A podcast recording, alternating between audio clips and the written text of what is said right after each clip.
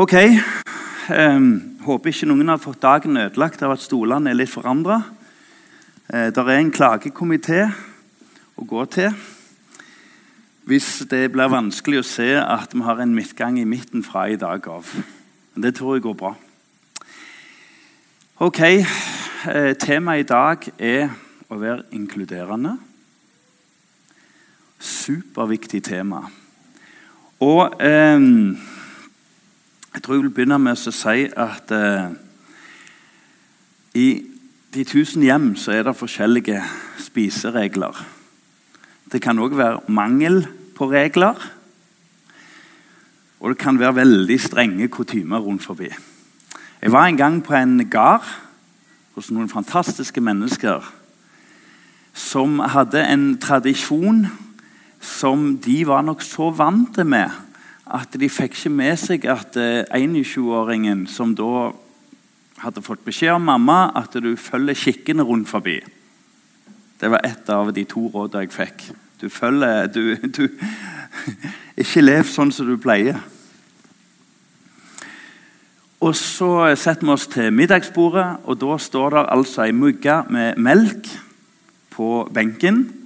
Og Jeg skulle ønske den ikke var gjennomsiktig, den mygga, for det var altså rett ifra tanken. Og det går fint. Iskald melk rett ifra tanken, det godt, det. Men de hadde en tradisjon at alle drakk ett glass varmt melk før middagen. Jeg holdt på å eh, Det svartna for meg. Men jeg fikk det ned. Du tuller ikke med tradisjoner rundt forbi. Eh, gjestene først.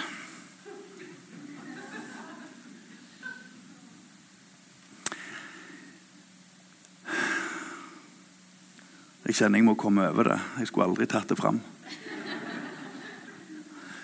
Men det er en del tradisjoner rundt forbi. Og det er det at uh, du spiser ikke rett fra gryta, liksom. Ikke sant? Gaffel og kniv, ikke hender.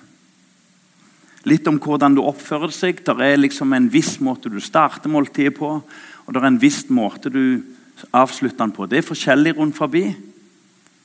Men du følger liksom litt med på hvordan det er i det huset du kommer på. Gjør vi ikke det? Jo, der er mat. Regler. Spiseregler.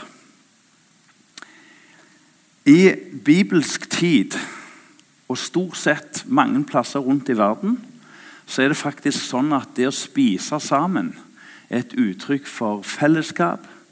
Det er liksom en, på et vis en pakt i seg sjøl. Og de du spiser med, de identifiserer du deg med. Og de på en måte tar du inn i ditt hjem. Og det de står for, det står du for. Og du blir på en måte både dratt opp med de, og du blir dratt ned med de. Altså, du spiser ikke med hvem som helst. Um, I dag handler det om å være inkluderende. Hvis vi i fokus ikke er inkluderende, så er vi nok en gang et mislykka fellesskap. Det er ikke sånn at det var litt dumt.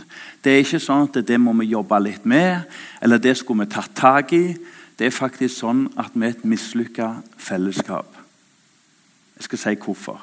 Men i Matteus 5 så sier Jesus sjøl at et fellesskap, ei smågruppe, en menighet, er som en by oppå et fjell. Synlig for alt og alle, og det kunne alle forstå. Kanskje gjemme en by oppå et fjell. Og så er altså det idealet for det kristne fellesskapet. På Klepp er ikke idealet vårt å gjemme oss vekk. Snarere tvert imot ønsker vi å være synlige på Klepp. Og Formannen vår sa nettopp at eh, folk skal merke hvis fokus ikke er der. Helst i positiv forstand. Ja? Så det er altså som en synlig by. Det er ikke en getto. Og det Jesus egentlig fortsetter med, det er det at denne synlige byen er ikke en by blant byer, men det er en helt alternativ by.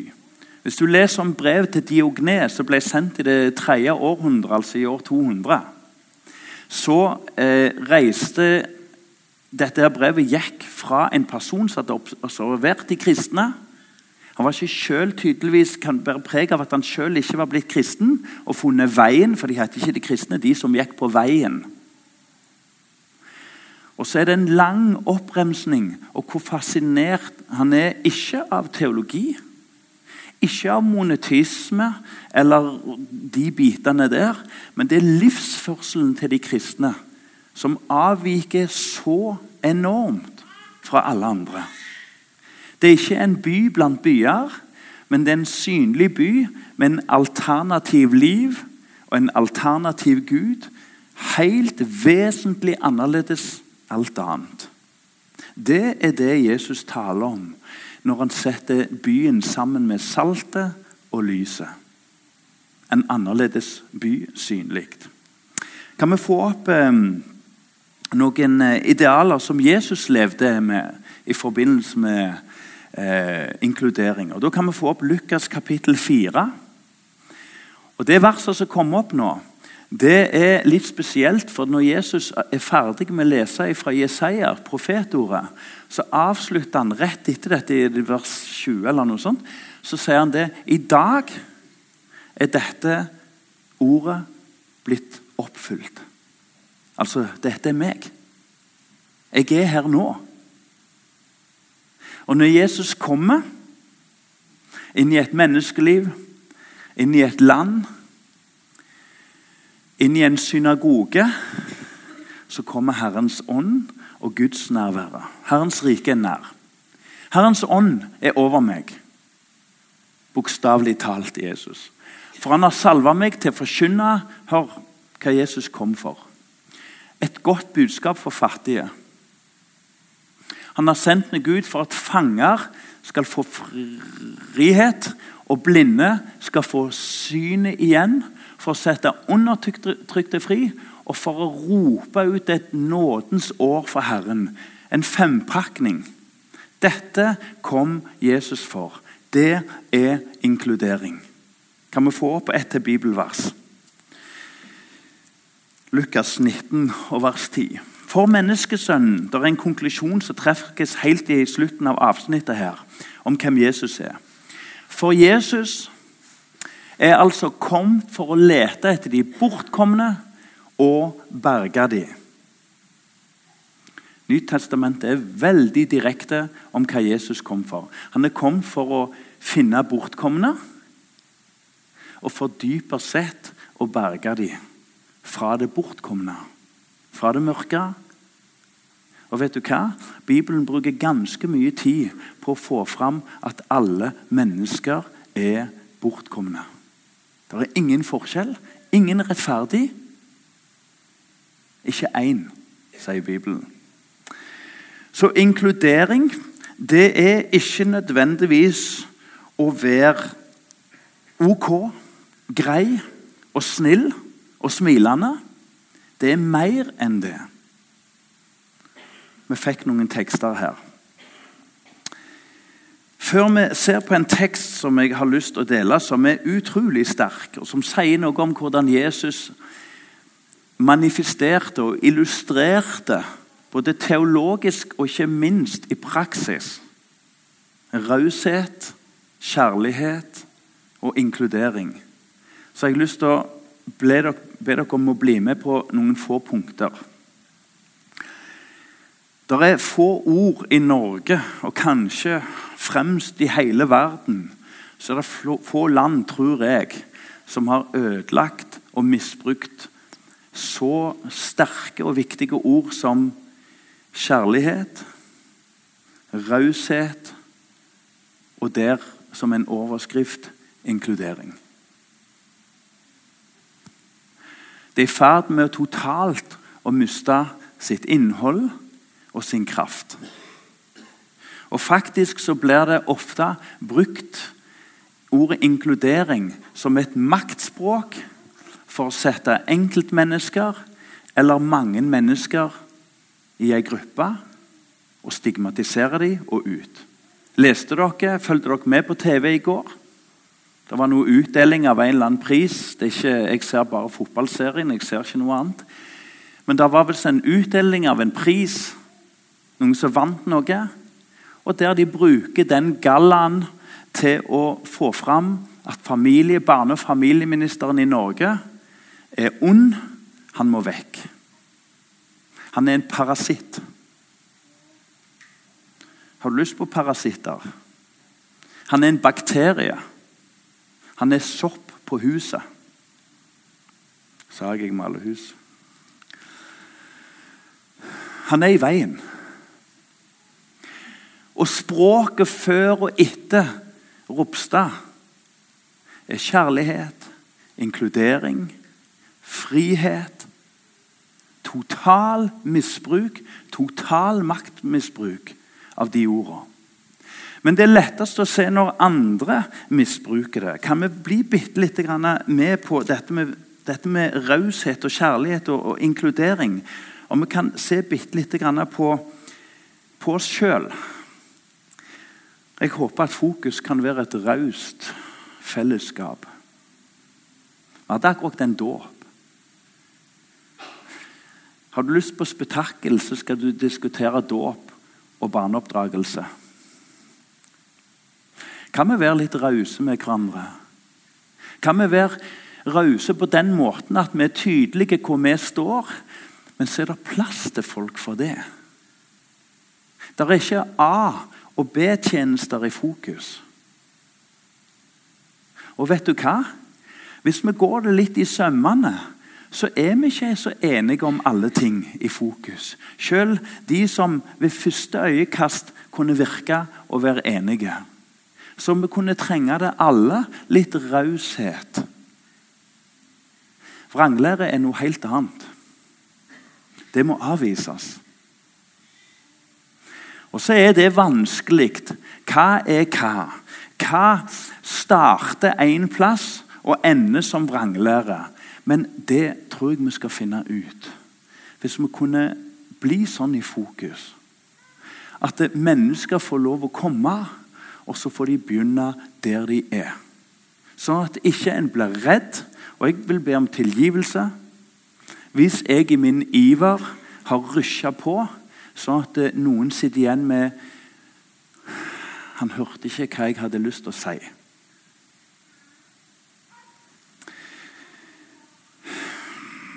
Dialog med vranglære har jeg ikke sansen for.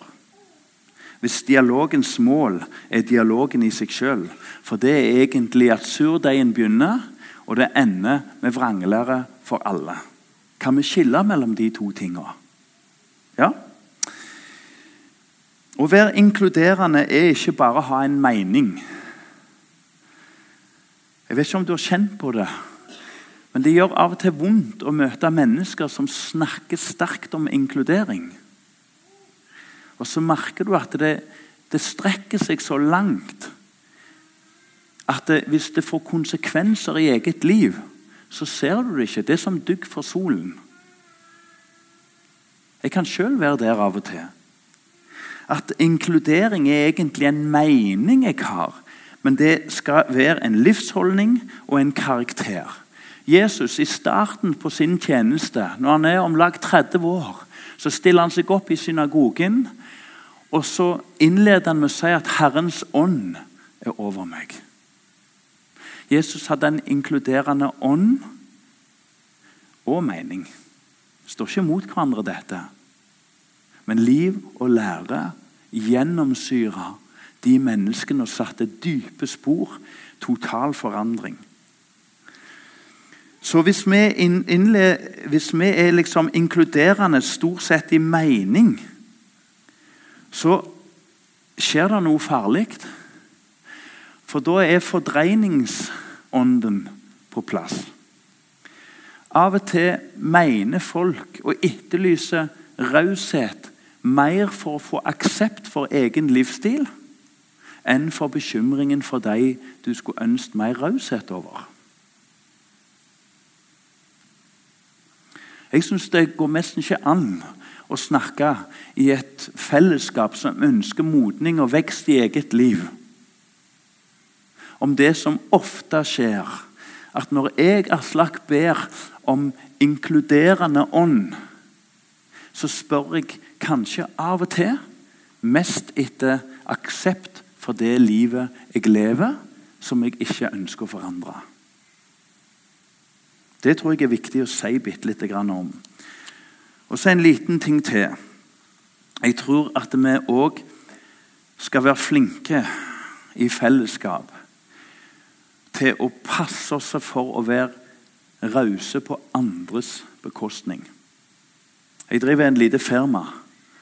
Og Der var jeg nettopp på, på litt sånn om økonomi og noe kurs og greier. Veldig lærerikt. Og Der er det noe som heter å drive på kreditors regning. Det er ugreit. Da, gjelder, da kan aksjeloven faktisk eh, Den er ganske hard. Det er noen som tenker at du driver helt til, til det står i steinene og så går du derifra. Men du kan bli personlig ansvarlig selv om du har aldri så mye sett aksjeselskap. Fordi du har kommet til et punkt du vet nå driver du ikke på dine midler. Du driver akkurat nå på andres midler. De bare vet ikke at du er på vei mot konk. Det er ugreit. Det er faktisk å stjele. Å gå konkurs er ikke nødvendigvis å stjele. Slettes ikke. Men å drive på kreditors regning er egentlig å stjele fra andre menneskers midler. Investert i Aslak, f.eks.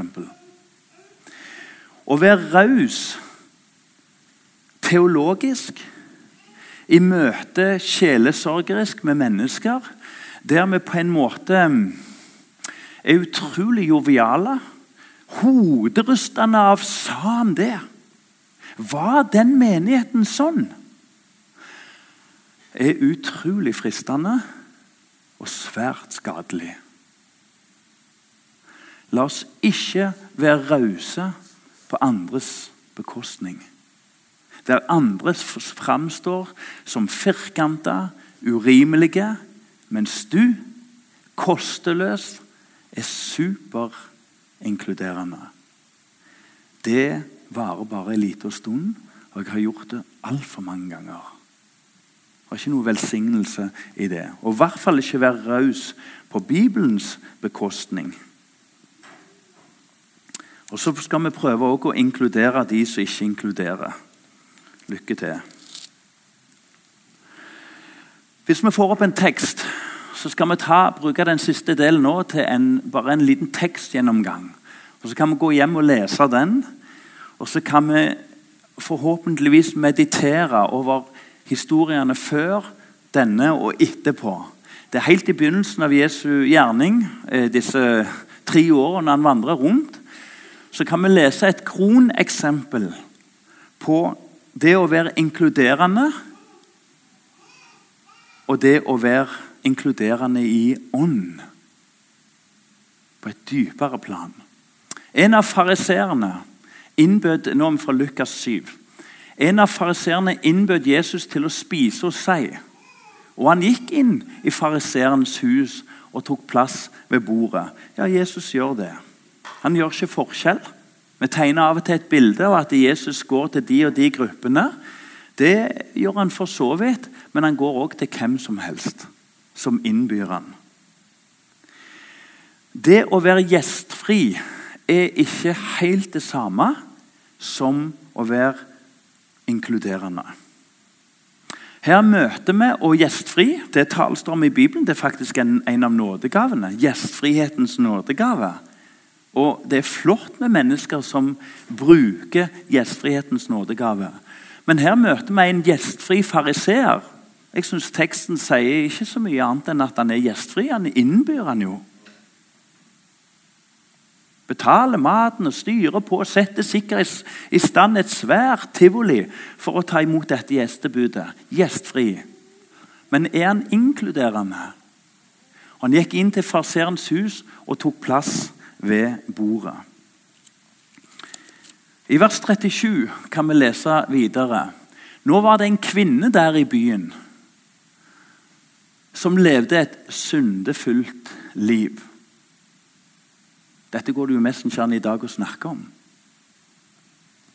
Språket vårt har forstumma, sånn at realitetene blir lagt lokk på. Og så blir det et tabu. Men legg merke til Bibelforfatteren Lukas, han som avviker fra de tre andre evangelier, som er mest opptatt av de utenfor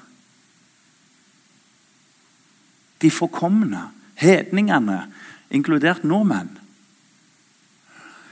Han sier ikke at det, det var en synder, men han sier at det var ei dame som avvikte med livet sitt. Det var ekstraordinært syndefullt. Lukas vil ikke være med på at hun var synder, mens de som var i, i, i, i rommet, var rettferdige. Nei, men han får fram òg at det var noe med livet hennes som ikke var bra. Og I oversettelsen så mener jeg at det der står at hun antageligvis var prostituert. Og Jeg har hørt at noen sier at det, eh, ved første øyekast er prostituerte lite vinnende og elskbare mennesker. Ved første øyekast. Fra et menneskes ståsted er det ikke så lett å elske en prostituert. Misbruke, det går an. I hvert fall så står det at eh, nå var det en kvinne der i byen som levde et eh, utsvevende eh, liv. Og så eh, inviterer Jesus denne dama inn. Og Hvis vi leser i vers 38 da, fikk hun, da de fikk vite at hun satt til bords med fariseernes hus, Eh, altså når hun fikk vite at Jesus var der, kom hun dit med en alabaskrukke med fin salve. Sikkert stjålen. Altså, Legg to og to i sammen. Hallo. Og Hvis ikke en stjålen, så er det jo stjålne sexpenger. Er det ikke? Jesus viser en enorm raushet.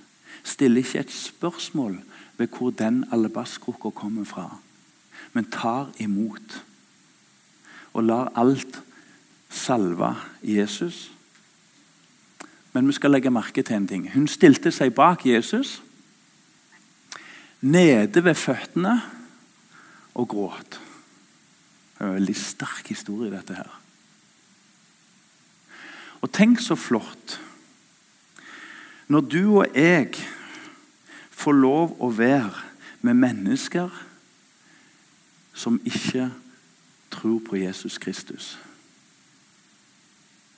Jeg hørte en psykolog som sa en gang at en samtale mellom pasient og psykolog kan miste energi hvis det er ingen utfordringer, hvis det er ingen vilje til å gå inn i de sårbare og vanskelige tingene, så mister samtalen energi, og en egentlig bare går rundt i ring.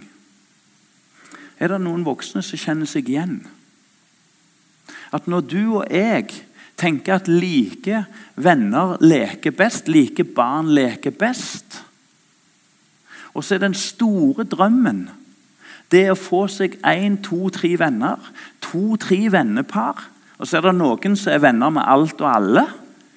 Men den gjennomsnittlige drømmen det er å ha to-tre vennepar som du kan dra på hytta med. Som du kan regne med. Ingenting galt i det. Men når drømmen stopper der, så mister kristenlivet energi. Her inviterer Jesus inn litt av et selskap. Han er blant de fornemste i byen. Og så inviterer han den rake motsetningen. Merker du energien i rommet? Merker du spenningen? Har du merka den sjøl på jobben din? Har du merka den når du inviterte noen som ikke tror på Jesus, hjem?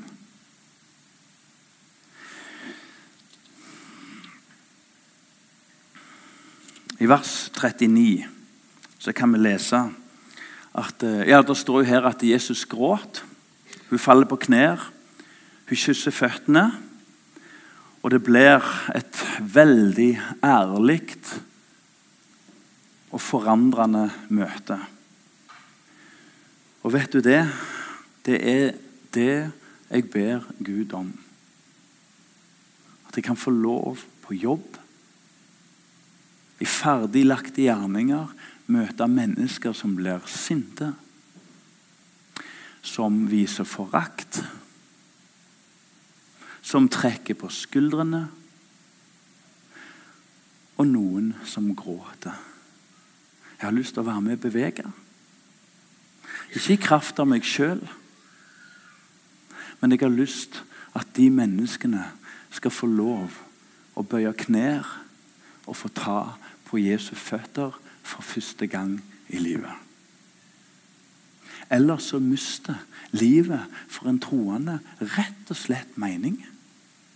Intet mindre. I vers 39 så står det sånn Da farseerne som hadde innbudt ham Det var tross alt han som hadde gjort det. Nå rotes det til her. Det var ikke dette vi hadde tenkt. Og vet Du hva? Du skal ikke lese mye vekkelseshistorie fra Norge før at du ser at en annen side av vekkelsen var at mennesker på bedehuset opplevde vekkelsen som fremmede som uønska og trakk seg vekk. Noen bare for noen dager og uker, noen for livet. Det var ikke dette vi hadde tenkt oss. Da fariseeren hadde innbudt ham så det, tenkte han med seg selv var denne mannen en profet? Vil han vite hva slags, hva slags kvinne det er som rører ved ham? At hun fører et syndefullt liv? Å se feil hos andre gjør deg ikke til profet.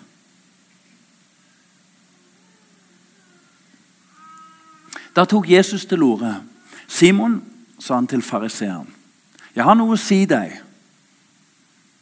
Og Se hvordan Jesus henvender seg personlig til ham.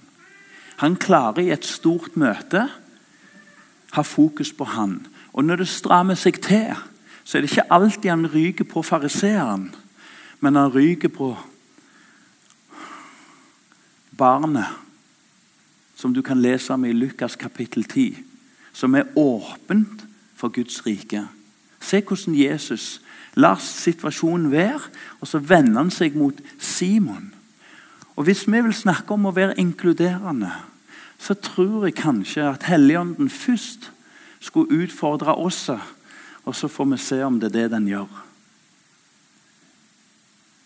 Simon, sa han til farseeren. 'Jeg har noe å si deg.' 'Si deg, mester', han. Jesus sa, 'To menn hadde gjeld hos en pengeutlåner. Den ene skyldte 500 denarer, ca. to årsverk. Den andre 50. Men da de ikke hadde noe å betale med, etterga han dem begge gjelden.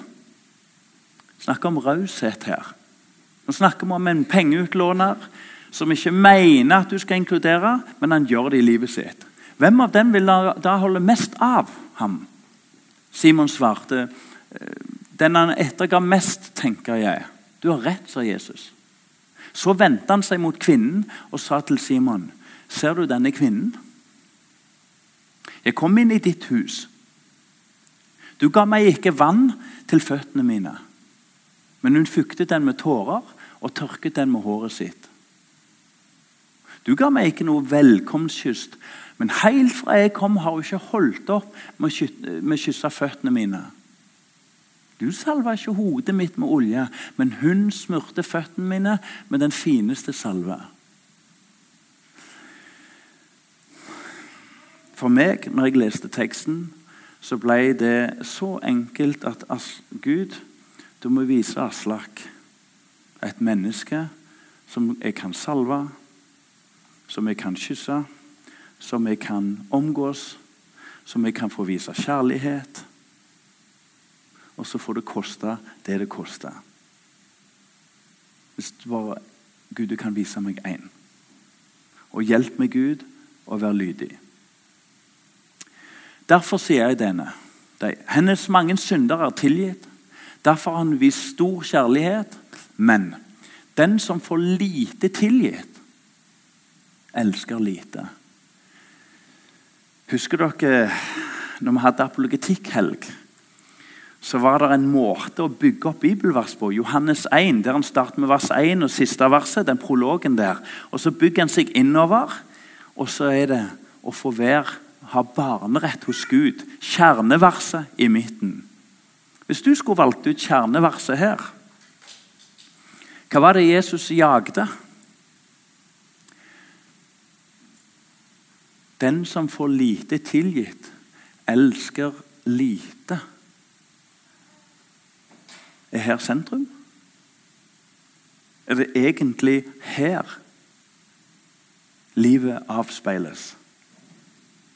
Så en menighet som ikke er i kontakt med de som ikke er i menigheten, kan det være en menighet som har fått lite tilgitt.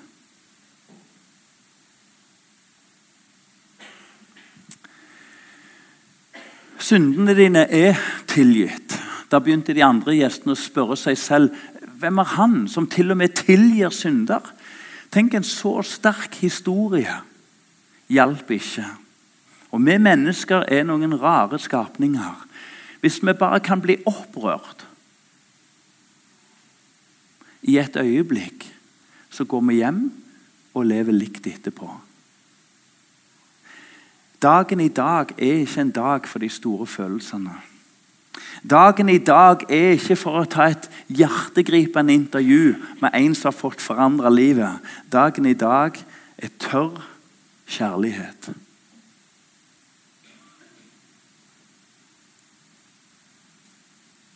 Over lang tid som salver andre mennesker. Da begynte de andre gjestene å spørre seg selv hvem er han som til og med gir tilgir synder. Der var de, selv om de fikk rett foran ansiktet en enorm maktdemonstrasjon. forandrer ingenting. Det er så godt å vite, er at det går ikke an å ta seg i nakken og si jeg skal leve utadvendt. Jeg skal leve inkluderende. Men Den hellige ånd kan vise oss at den tilgivelsen du fikk, den er det rikelig for alle. Men Jesus sa til kvinnen, 'Din tro har frelst deg. Gå i fred.'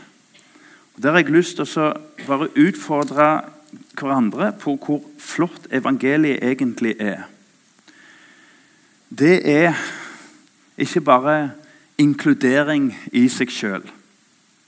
Jeg har vært i noen få fotballklubber og fått opplevd hvor utrolig forskjellig en tenker om inkludering. Noen ganger kommer du en plass, og så bare merker du at det er i bunn og grunn ikke plass til deg. Enten fordi du ikke er god nok, eller fordi her er det fullt. Vi er en god gjeng her. Vi er mette. Fotballaget er mett. Du kan være til og med vel så god til å gå inn på det laget eller være med på treninger. Men vi simpelthen trenger ikke. Og det motsatte. Ja, det er inkludering eller ei. Inkludering, ekskludering. Men du og jeg får inkludere med en mye dypere hensikt. Vi får inkludere mennesker i tilgivelse, i oppgjør med synd i nytt håp, ny framtid. Se hva Jesus kunne gjøre til du dama. De som satt der rundt, forbitra, sinte sure, og alt var bortkasta. Og så sier Jesus, 'Gå i fred. Du er tilgitt.' Tenk så flott. Tenk for en kraft vi lever i. Så vil jeg bare avslutte med å si at um, i praksis så håper jeg og ber om at folk utenfor kan kjenne at mennesker i fokus har stor plass. Vi er ikke et fotballag med 11 på banen, en plass mellom 17 og 22 i troppen. Underet i Guds rike er at for hver mann du putter på banen, så blir banen større, og det er rikelig plass. Når du og jeg er mette, så mister vi energien menneskelig sett. Men vi mister målet, og vi mister oppdraget. Jeg er kommet for de bortkomne. Jeg er kommet for de fortapte, og for at de skal reises opp. Du som ber til andre mennesker og har helbredelsens gave. Gå med frimodighet. Du som har tegn og under. Gå med frimodighet. Du som har særlig vitnesbyrdets kraft utover det vanlige. Gå med frimodighet. Du som har gjestfrihetens gave. Gå med frimodighet. Du som har diakonens gave. Gå med frimodighet.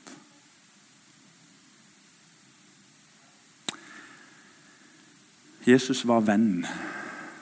Og Jeg håper at et møte med mennesker er et møte med venner i fokus. Det står når Jesus kommer opp fra stranda i Johannes 21, så er oversettelsen ganske rar. I vår oversettelse står det veldig ofte 'mine barn'. I andre oversettelser står det 'mine venner'. Men det det egentlig betyr, er ganske morsomt. Johannes 21.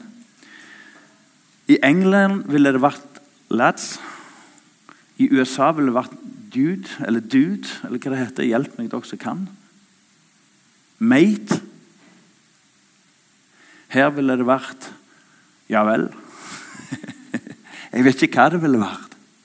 Men det er et ord som ikke er distanserende. Det er et ord som er brukt for de som tvilte og hadde gått ut og fiska og egentlig gitt opp alt så svarer Jesus de med et veldig nært venneord. Gode venn. Bror. Fornavn. Et møte med fokus er et møte med ekte venner. Guds velsignelse.